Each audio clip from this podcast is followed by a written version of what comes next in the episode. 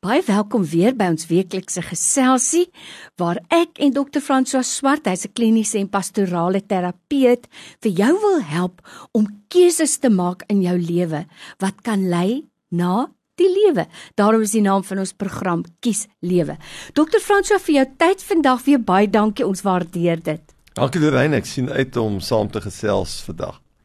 Nou in hierdie tyd waarin ons lewe, onseker tye, mense word nou maar bang en angstig en ek het familie wat woon in Gauteng waar die koronavirus regtig nou krisisafmetings neem en ek tel 'n angs by mense op. Maar dan kry ek tog nou mense wat sê: "Maar julle vrees en julle is bang. Glo julle dan nou nie?" Dis vir asof hulle wil vrees en angs stel teenoor geloof. Daar steek waarheid in, maar waar lê die balans tussen geloof en vrees. Ja, nee, ek dink dit is 'n baie belangrike balans wat jy iewers moet vind. En in elke situasie moet jy dit van voor af vind. Mm. Hoekom?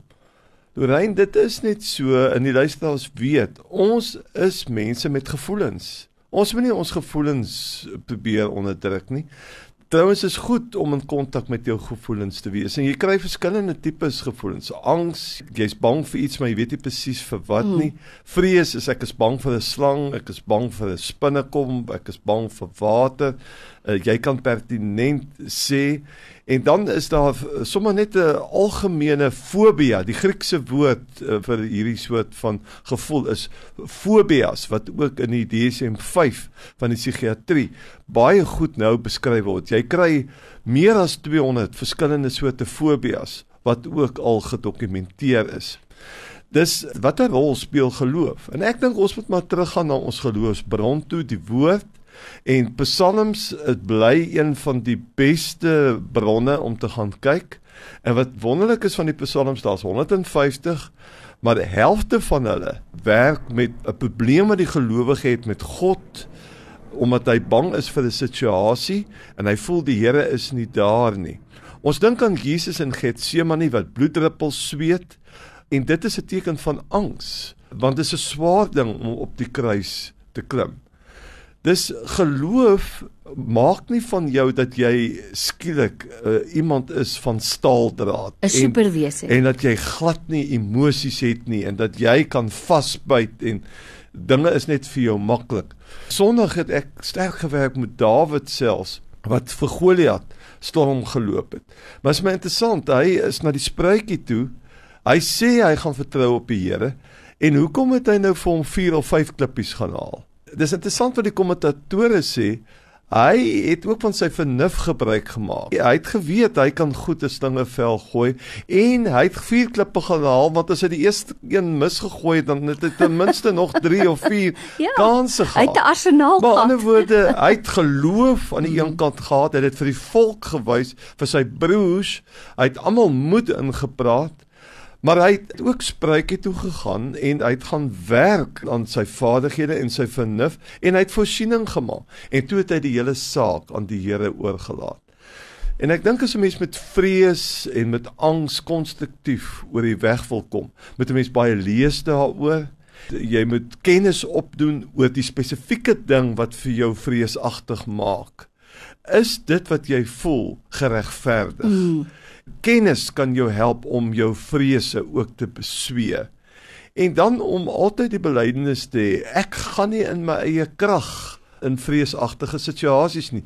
Die Here is by my. Ek wil dalk afsluit met die opmerking as kinders. Ek weet nie of jy kan onthou nie, maar ek kan onthou dat 'n mens bang was vir die donker. Mm -hmm. Veral as jy hier onder 3 is en mamma mm -hmm. sê jy moet iets daar in die voorhuis gaan haal, dan is jy bang. Mm -hmm. En dan sê pappa, man as jy bang is, fluit net of praat net met jouself. En vroeg as 'n kind leer jy ek het hierdie vrese maar ek is die Here se en ek mm. hy sal my bewaar en hy sal my versterk. Ek gaan nie onverantwoordelike dinge doen nie. Ek gaan met 'n plan werk en dit is hoe 'n mens met vrees werk. Jy moet situasies vir my wat vir jou onnodig kan ontwrig, maar jy moet ook met kennis en met vaardighede moet jy jou vrees en jou angste in die oog kyk. En dan natuurlik baie keer het 'n mens bietjie medik medikasie ook nodig om vir jou te help met sekere tipes angs, want daarvoor het ons ook 'n psigiater. Nou dokter Franso, ek is so bly jy het weer eens so 'n gebalanseerde uitkyk want ek dink nou byvoorbeeld aan aan die koronavirus wat ons nou het. Daar's mos nou baie teorieë daaroor en ek respekteer mense se gevoelens. Ek persoonlik voel net soos wat ek die Here vertrou wanneer ek medisyne moet neem vir 'n hartkwaal, vir diabetes of wat my gesondheidsprobleem ook al is, sal ek die Here ook vertrou om my te beskerm teen die neeweffekte en negatiewe effekte van die inenting.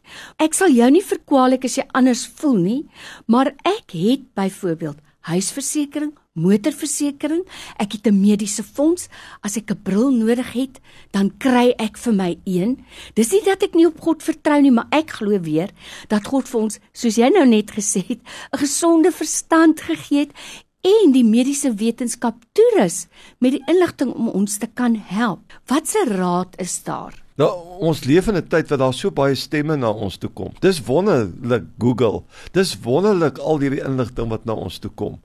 Maar ek ek praat met mediese kollegas. Een van die grootste frustrasies wat lê in die spreekkamer, hartchirurge, is dat die pasiënt kom sit en eintlik vir die hartchirurg wil kom sê hoe hy die operasie moet doen. Vra. Want hy het dan nou vir dokter Google gevra. Dis ons moet respek hê uh ook vir kundige mense en hulle menings. En um, ek wil vra vir die luisteraar, is jy teen polio gevaksinereer as 'n kind of teen waterpokkies of uh teen masels? Hoekom is daar nou skielik twyfel in jou gemoed? Want dieselfde huise wat die inentingsstowwe gemaak het toe jy as as kind ingeënt is vir 'n klomp goed. Polio is heeltemal weg mm. omdat uh, die mens die wetenskap gesien het as 'n verlengstuk van die Here se genade. En daarom wetenskap staan nie teenoor godsdiens nie. Dis 'n verlengstuk van God se liefde en sy genade en sy besorgdheid oor ons. Nou ek het so simpatie met die luisteraars. Hulle hoor nou hierdie mediese professor sê dit en daai mediese professor sê dit. En dit is waar ek vir gelowiges maar wil pleit. Ons het mos die Heilige Gees. Jy het jou geestelike leier en ek dink verantwoordelike geestelike leiers lees ook oor hierdie goed.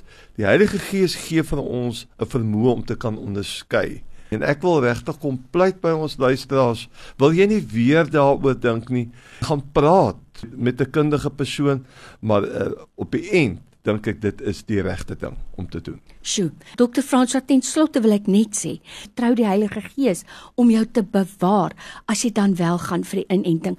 As jy besluit om dit nie te doen nie, dan bly dit immers tog maar net jou besluit. Maar Dr. Frans, jy sê dit so mooi. Praat met kundiges en maak ten minste 'n ingeligte besluit. Ons het ook 'n verantwoordelikheid ten opsigte van mekaar. Dit was weer 'n heerlike geselsie vandag Dr. Fransjo vir jou tyd. Ons waardeer dit baie. Dankie.